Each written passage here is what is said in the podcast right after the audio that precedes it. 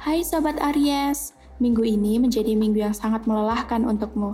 Tapi, sebanding dengan tingkat keriwahannya, keuanganmu akan stabil di minggu ini.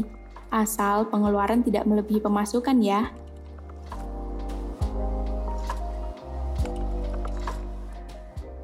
Percintaan untuk Sobat Aries Lovebird. Kamu kesal dengan pasanganmu yang sangat sulit dihubungi ketika ada hal penting dan mendesak.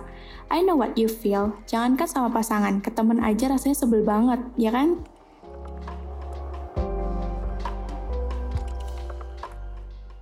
Percintaan untuk Sobat Aries yang masih single. Jangan canggung ketika bertemu orang baru. Berikan kesan pertama yang memukau. Tunjukkan sisi keceriaanmu, semua orang menyukaimu karena itu.